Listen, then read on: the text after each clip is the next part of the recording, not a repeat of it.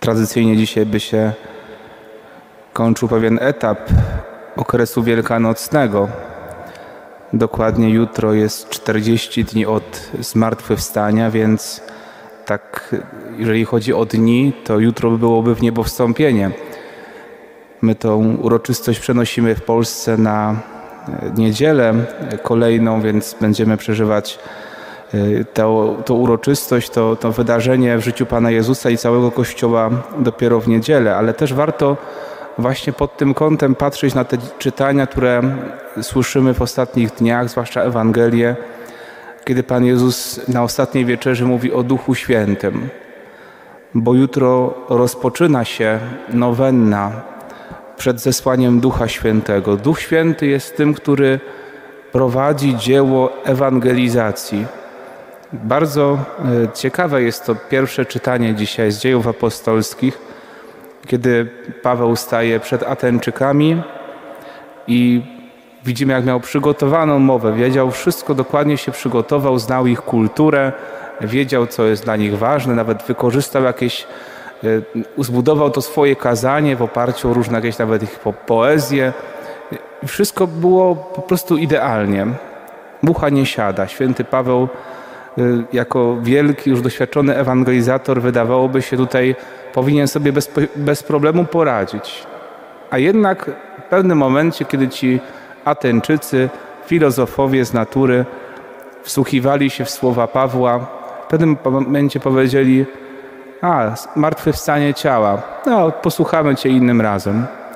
Coś, co było sprzeczne zupełnie z ich myśleniem. Dla nich, jak ktoś zmartwychwstał w ciele, to w tym momencie to była porażka tego człowieka, bo dla nich ciało było więzieniem duszy. Ile jeszcze potrzeba było lat dojrzewania, właśnie prowadzenia tej, tego dzieła przez Ducha Świętego, żeby Ateńczycy uwierzyli. Ale przecież wiemy, że dzisiaj Grecja jest chrześcijańska. Przecież wschód właśnie też i w Grecji, w tamtych terenach Przecież tam ma gdzieś te swoje korzenie prawosławie, Kościół Wschodni. Więc zobaczcie, że przyszedł moment, kiedy przyjęli Ducha Świętego, kiedy przyjęli naukę Chrystusa. Możemy planować na różne sposoby i tak po ludzku sobie wszystko poukładać. Można być świetnie przygotowanym, ale jeżeli zabraknie czegoś w słuchaczu, jak tu w przypadku Ateńczyków, albo jeszcze nie przyjdzie ten czas, kiedy Duch Święty nie otworzy czyjegoś serca, my możemy próbować. I to ważne, żebyśmy sobie też to uświadomili, jak bardzo my jesteśmy mali wobec tych wszystkich wielkich zadań, do których nas Pan Bóg powołuje, wzywa do tej ewangelizacji, misji apostolskiej, która również przecież powierzona jest ludziom świeckim, konsekrowanym, wszystkim nam w Kościele. Każdy z nas jest do tego e, powołany, żeby głosić. I możemy się spotkać, i pewnie nieraz spotykamy się z jakimś oporem. I widzimy, że przecież Kościół stara się robić to, co zawsze, a w jakiś sposób ta ewangelizacja czasami nie chwyta, coś jest nie tak. Może czasami rzeczywiście brakuje czegoś z naszej strony, ale przecież święty Paweł był, jest uznawany za jednego z najlepszych ewangelizatorów świata.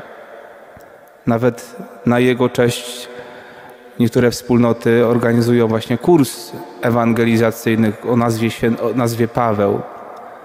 Więc on jest takim wzorem, przewodnikiem, jak dochodzić do ludzi. A jednak przygotował wszystko, nie udało się. Duch Święty, On jest Bogiem. My jesteśmy tylko tymi, którzy mogą siać. Możemy być Jego narzędziami w Jego ręku,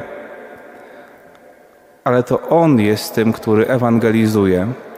Naszym zadaniem jest przede wszystkim się na Niego otwierać, prosić Duchu Święty prowadź mnie i nie tylko właśnie myśleć o Duchu Świętym jako tym, który daje jakieś cudowne znaki, czy sprawia, że mi jest przyjemnie i miło na modlitwie. To są bardzo czasami zwodnicze e, rzeczy. Można zatem pójść, szukać uzdrowień, szukać jakichś cudów, a nie wiemy, czy do końca to działa w tym momencie Duch Święty. Są różne wspólnoty, czasami osoby będące poza Kościołem, można powiedzieć. I czy na pewno działa przez nich Duch Święty, ten, który uzdrawia, czy reakcje tych ludzi, którzy, na którymi się ktoś modlił, rzeczywiście wyglądają jak działanie Ducha Świętego. Duch Święty jest duchem prawdy. Duchem prawdy, który doprowadza do pełni prawdy, daje zrozumienie. Prawda nie jest czasami e, czymś emocjonalnie przyjemnym.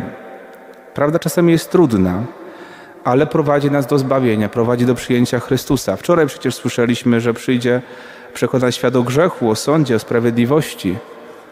To też to nie są rzeczy przyjemne.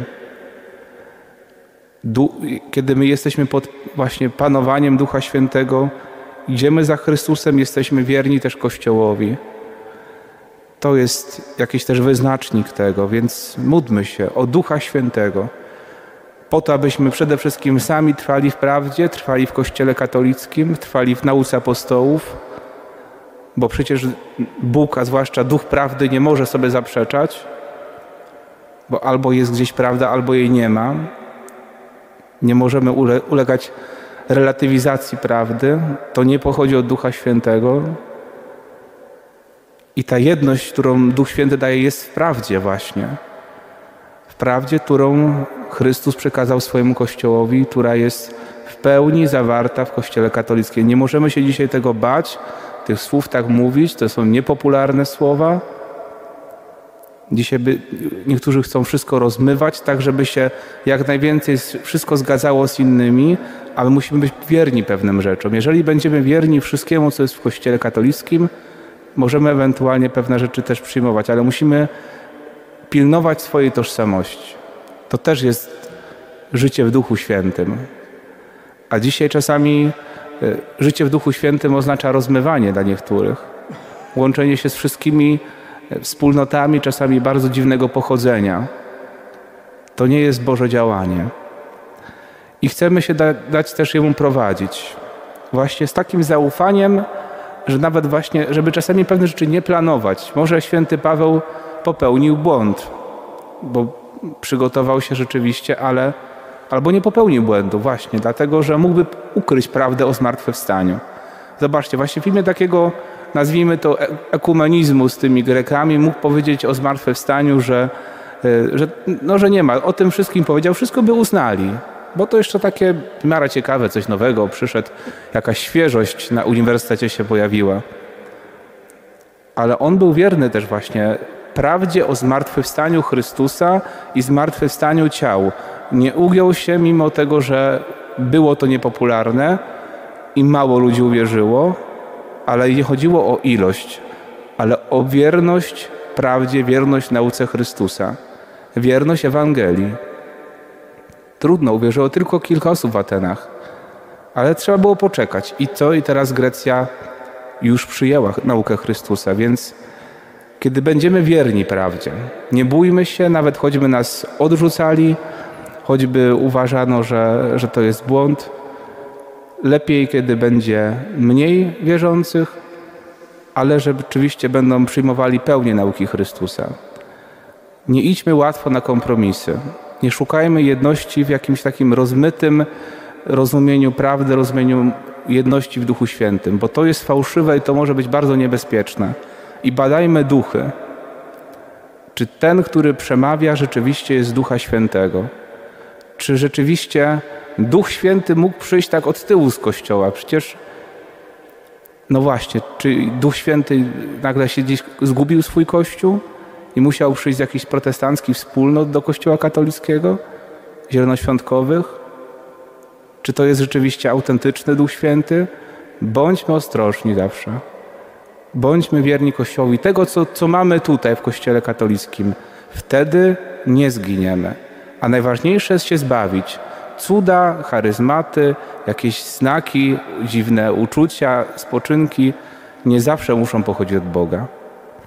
Nie tego szukajmy w Kościele. Szukamy prawdy, którą przyniósł Chrystus, bo ona prowadzi do zbawienia i mamy patrzeć na niebo, nie żeby tutaj na ziemi nam było dobrze, budować taką fałszywą religię ziemską.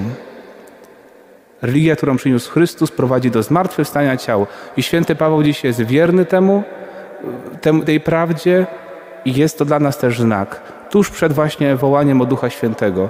Dla nas taki znak. Bądźmy wierni pełni nauce Chrystusa, pełni nauce Kościoła katolickiego. Amen.